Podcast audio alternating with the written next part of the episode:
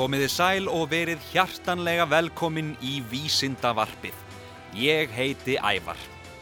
Í dag ætlum við að skoða nokkra merkilega vísindamenn úr mannkynnssögunni. Og við ætlum að byrja á Alan Turing. Turing er eitt þekktasti og áhrifamesti vísindamaðurinn á sviði tölvunarfræði. Hann fættist í London 23. júni árið 1912. Hann lærði starffræði við Cambridge háskóla og hlaut doktorsgráðu í starffræði árið 1938 frá Princeton háskóla í Bandaríkjónum. Á þessum árum lagði Turing grunn að nokkrum mikilvægum hugtökum í fræðilegri tölvunafræði og gerfigreind. Alan Turing var gríðarlega klár og átti stóran þátt í því að skilgreina hugtækið reiknanleiki. Það er hvaða verkefni eru leysanleg. En Turing gerði margt fleira. Hann setti einnig fram lýsingu á svokallaðri almennri Turing-vél sem er þannig að hún getur lesið minni sitt og framkvæmt skipanirnar sem þar eru kóðaðar. Þetta líkan var sett fram árið 1936 sem er að minnstakosti tíu árum áður en fyrsta tölvan sem geymir forrit í minni var smíðuð. Þessi eiginleiki gerir það að verkum að tölvan getur unnið með forrit eins og hver önnur gögn og er eitt mikilvægasta einkenni tölva. Það eru því margir sem haldaði fram að Alan Turing sé hinn raunverulegi fadir nútíma tölvunar. Turing hafði mikinn áhuga á spurningunni hvort tölfur gætu hugsað. Ólíkt mörgum öðrum sem rökrættu málið fram og tilbaka á niðurstöðu hannaði Turing próf sem ætti að geta svarað spurningunni afdráttarlaust. Prófið felst í því að aðtúa hvort tölva geti líkt nógu vel eftir mannesku til þess að blekja mannlega notanda. Í prófinu, sem nú er kallað Turing-prófið, situr mannlegur notandi við samskiptatæki sem er tengt við tvö lokuð herbergi. Í öðru herberginu situr manneskja, en í hinu er tölva. Notandin getur nú spurt báða keppendurna spurninga með því að slá þar inn í samskiptatækið. Keppendurnir svara spurningum á sama hátt og reyna sannfara notandan um að þeir séu manneskjan. Eftir eitthvað tiltekinn tíma á notandin síðan að segja til um það í hvoru herberginu er tölva og hvort inniheldur mannesku. Árið 2014 tókst tölfunni Eugene Gustman að sigrast á Turing-prófinu þegar hún náði að sannfara 33% þeirra sem voru að halda prófið að hún væri í raun og veru 13 ára strákur frá Úkrænu. En það eru þó ekki allir sammála um hvort að Gustman hafi í raun sigrast á prófinu. Þannig að við sjáum hvað gerist í framtíðinni í næstu prófum. Flestir tölvunotendur í dag lenda reglulega í eins konar Turing-prófi. Það eru allar líkur á því að þú, kæri hlustandi, hafir tekið þetta próf til að sanna á netinu að þú sért ekki vél. Þetta eru hinn svokulluðu CAPTCHA-próf sem eru bjagaðar myndir af bókstöfum sem notandin þarf að slá inn til að komast inn á margar heimasýður.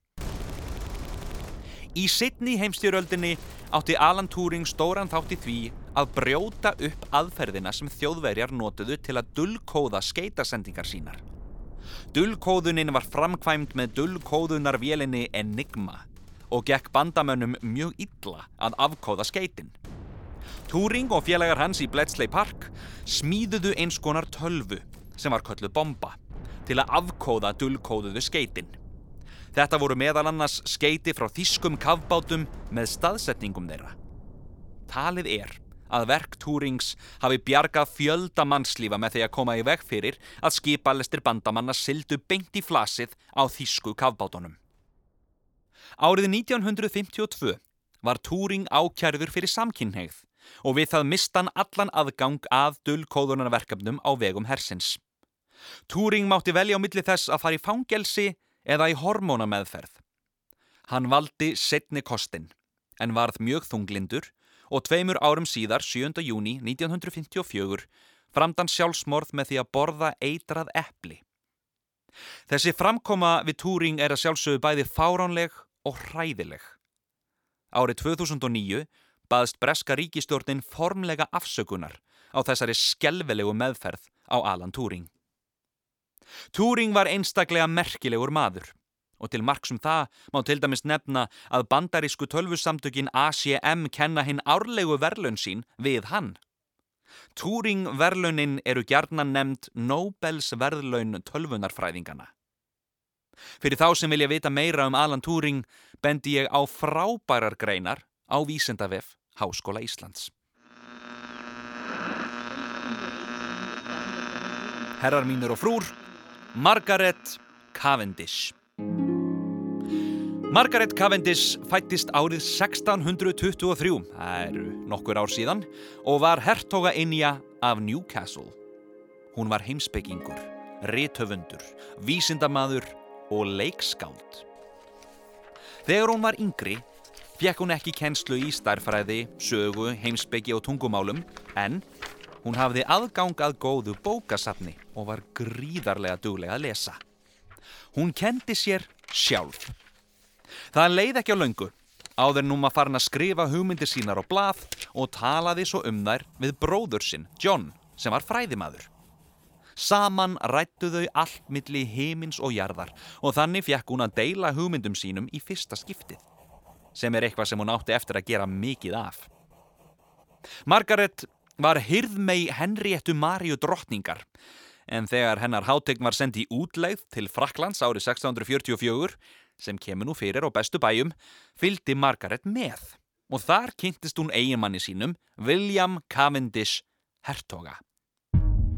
Margaret Cavendish var með stórar hugmyndir og var ekki feimin við að láta í sér heyra.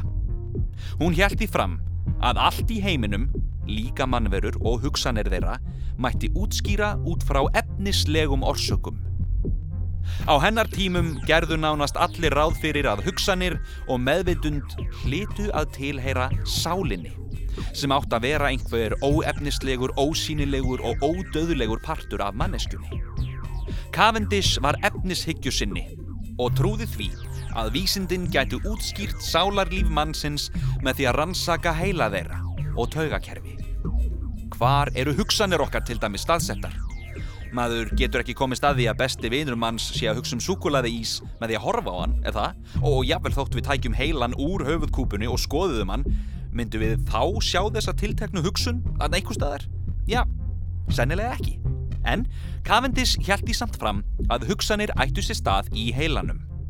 Hún stakk upp á því að kannski væri mannsheilin bara ekki nógu gáfaður til að geta skilið hvernig hann geti sjálfur búið til meðvitund úr engu nema efnislegum ferlum. Þess vegna, samkvæmt henni, heldur mannfólkið að til sé eitthvað sem heitir sál. Cavendish skrifaði einnig um vald og stöðu kvenna. Hún skrifaði greinar, bækur og leikrit og ekki nómið það. Hún skrifaði þetta allt saman undir eigin nafni. En býðu nú við, hvers vegna er það merkilegt að skrifi ekki allir undir eigin nafni? Jú, þið til, á þessum tíma, eins fáránlegt og það kann að hljóma, þá var ekki vinsælt að konur væri að skrifa eitthvað, þess þá heldur að gefa það út. Og þær sem vildu gera slíkt þurft að skrifa undir dullnefni og þykjast þá vera kallmenn. En Margaret hún neytaði að standa í svoleis bulli. Hún stóð stolt með öllu því sem hún skrifaði og var af samtímamönnum sínum ímistalin vera brjáluð, tilgerðaleg, forvitnileg eða snillingur. Og hún var snjall reytöfundur en það voru samt ekki allir hrifnir að því sem hún var að gera. Í grein sem ég fann um hana í Íslenska dagblæðinu Tímanum frá 1983 segir að þrátt fyrir hóvarð hertoga frúarinnar hvað hæfileikana varðar nextlaði löngun hennar til að hveða sér hljóðs í bókmyndaheiminum samtímamennenar. Dirska hennar var álitinn nálgast vitfyringu.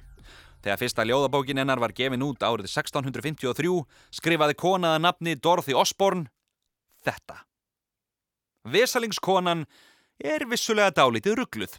Annars mynd hún aldrei haga sér svo fátánlega að skrifa bók og það í bundnu máli. Þótt ég svæf ekki hálfan mánuð, myndi mér aldrei verða svo á í messunni. Tilvittnum líkur. Cavendish skrifaði líka það sem er af mörgum talið vera fyrsta vísinda skáltsagan. Bókina Description of a New World called the Blazing World eða lýsing á nýjum heimi sem við skulum kalla blazing heiminn. Þar lýsir hún útópíu Heimi þar sem allt er gott og allir hafa nóg að býta og brenna og notar bókina í leiðinni sem ádeilu á hina ímsu hluti. Ekki nóg með það að hún hafi skrifað bókina, Margaret er sjálf persóna í henni. Drottningin Margaret hinn fyrsta.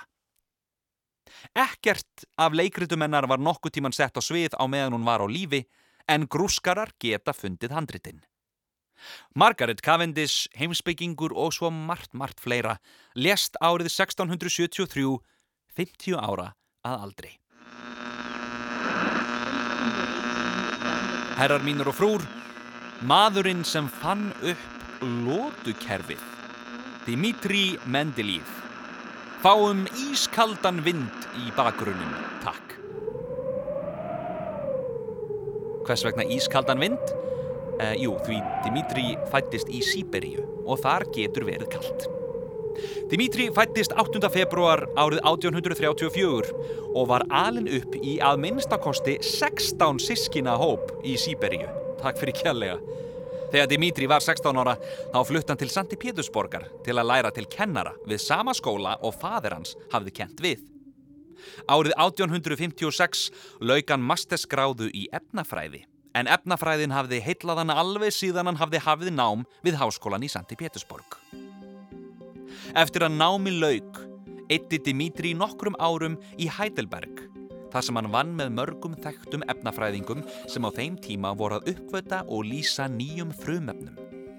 Þegar hann snýri heim til Santi Pétursborgar fann hann sig knúin til að miðla þekkingu sinni áfram til þjóðarsinnar og skrifaðan nokkrar bækur um efnafræði þar á meðal Organic Chemistry og The Principles of Chemistry. Á þessum tíma sótt hann einni fyrstu alþjóðlegu efnafræði ráðstefnu sem haldin var í heiminum en hún fór fram í Þískalandi. Þar bar af eitt atriði sem brann mikið á fræðimönnum en það var þörfin fyrir betra skipulag á frumefnunum. Á þessum tíma voru 65 frumefni þekkt og til að reyna að koma skikki á þessi nýju fræði teiknaði Dimitri frumefnin upp á spjöld. Eitt spjald fyrir hvert frumefni og svo skrifaði hann á spjöldin eiginleika efnana. Þegar því var lokið, raðaði hann svo efnunum fram og tilbaka til að reyna að finna einhverja reglu. Að lokum varð til það sem við þekkjum í dag sem lótukerfið. Dimitri sá að efnin höfðu mismunandi eiginleika sem fjallu inn í reglu af massatölu þeirra. Nokkur frumefni sem voru þekkt á þessum tíma pössuðu þó ekki alveg inn í regluna. Massatala þeirra hentaði ekki eiginleika þeirra. Hann lagði þá fram þá tilgáttu að massatalan hefði verið raung sem setna kom á daginn að var rétt hjá honum. Að auki vantaði hellinga frumefnum inn í töfluna. Hún var gödótt og út frá því laði Dimitri fram tilgáttu um að þarna væru frumefni sem ætti eftir að lýsa. En hann gaf þeim massatölu og lísti einleikum sem hann taldi þau hafa út frá lótukerfinu. Þetta reyndist einnig rétt hjá honum. Vegna þessar að tvekja atriða sem eru talin hér á ofan, það er skýringarnar á frumöfnum sem pössuð ekki inn í lótukerfið og nýju frumöfnin sem uppgötuðu svo eftir að lótukerfið var til, fekk lótukerfið Dimitris aðtikli í vísindaheiminum. Aðrir vísindamenn höfðu áður sett fram tilgátur um kerfi sem var ekki ólíkt þessu kerfi en þeirra vinna fekk bara enga aðtikli. Dimitri Mendeleev hjælt áfram að vinna sem efnafræðingur og kennari allt til dauðadags 2. februar 1903. Þá dró flensa hann til dauða, 73 árað aldri. Verk hans lifa þó áfram og þá sér í lægi lótukerfið sem við erum svo heppin að hafa okkur til hals og trösts í nútímanum. Ef þið viljið vita meira um þennan merkilega vísindamann þá mæli ég með vísindavefsíðunni Kvatanum og ég vil þakka vefsíðunni sömu leiðis fyrir nótkunn á texta. Og nú, landkönnuður. Mér finnst hann svo merkilegur að mér langar að fá að laumónum hérna með. Herra mínur og frúr, Kristófer Kolumbus, maðurinn sem fann Ameríku, eða þið veitir þannig lagað, við förum nánar út í þá eftir. Sjávar hljóð, takk. Glæsilegt. Yfirleitt er talið að Kristófer Kolumbus hafi fæðist árið 1451 í hafnarborginni Genua eða í nákrenni hennar í norðvestur hluta Ítalíu. Kolumbus er eitt kunnasti sæfæri allra tíma. Hann ferðaðist mikið um Allandshafið og Miðjarðarhafið áður en hann fór í Ameríkuferðirnar sem hann varð frægastur fyrir á áránum 1492 til 1502.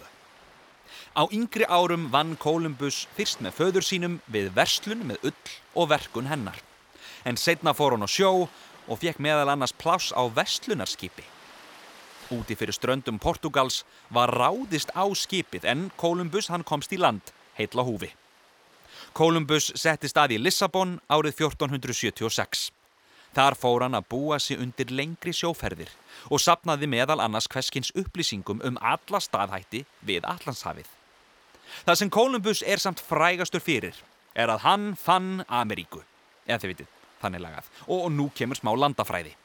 Á þessum tíma höfðu Evrópumenn lengi verslað við Asíulönd eins og Indland og Kína og fengið frá þeim vörur á borði silki og krydd.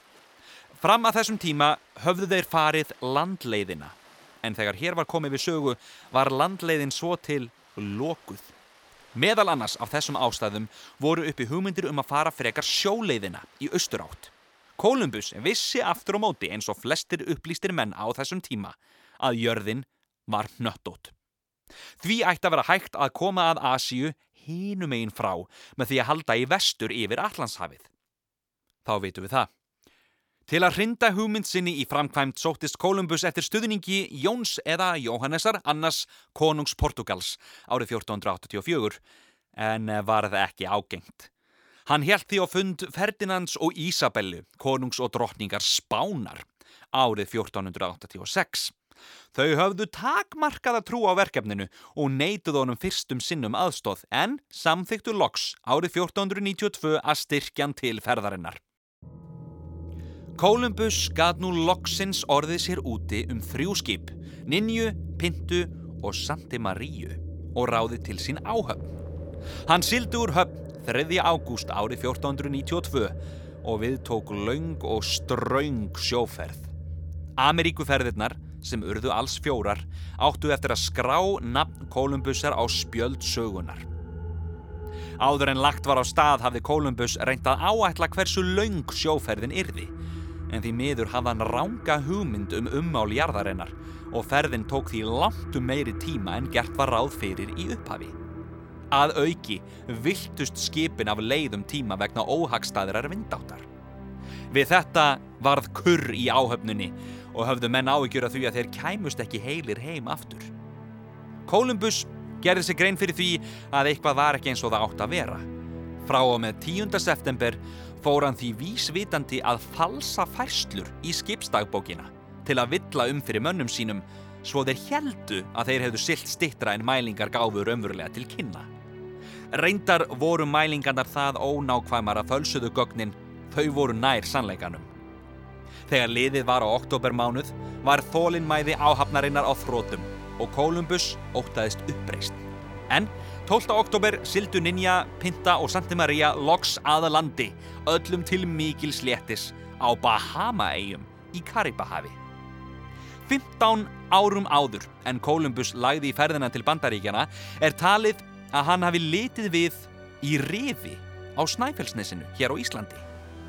Í æfisugu Kristófers segir að árið 1477 hafa hann verið að leitað upplýsingum um hvernig væri best að sigla til Vesturheims og sildi þess vegna til Íslands til að grenslast fyrir um ferðina. En það hafði leifur hefni siltangað mörg hundruð árum fyrr. En hvers vegna er þá talað um að Kristófer Kolumbus hafi fundið Ameríku? Ég meina, leifur hefni okkar maður, okkar maður var langt á undan. Sko, leifur hefni og félagar hans voru fyrstu Evrópumennir sem stigu fæti á Ameríku en í kjölfar þeirra komu bísna fáir og byggð norrætna manna í Ameríku dó út aftur þannig að þetta hafði lítil áhrif á mannkynnssöguna.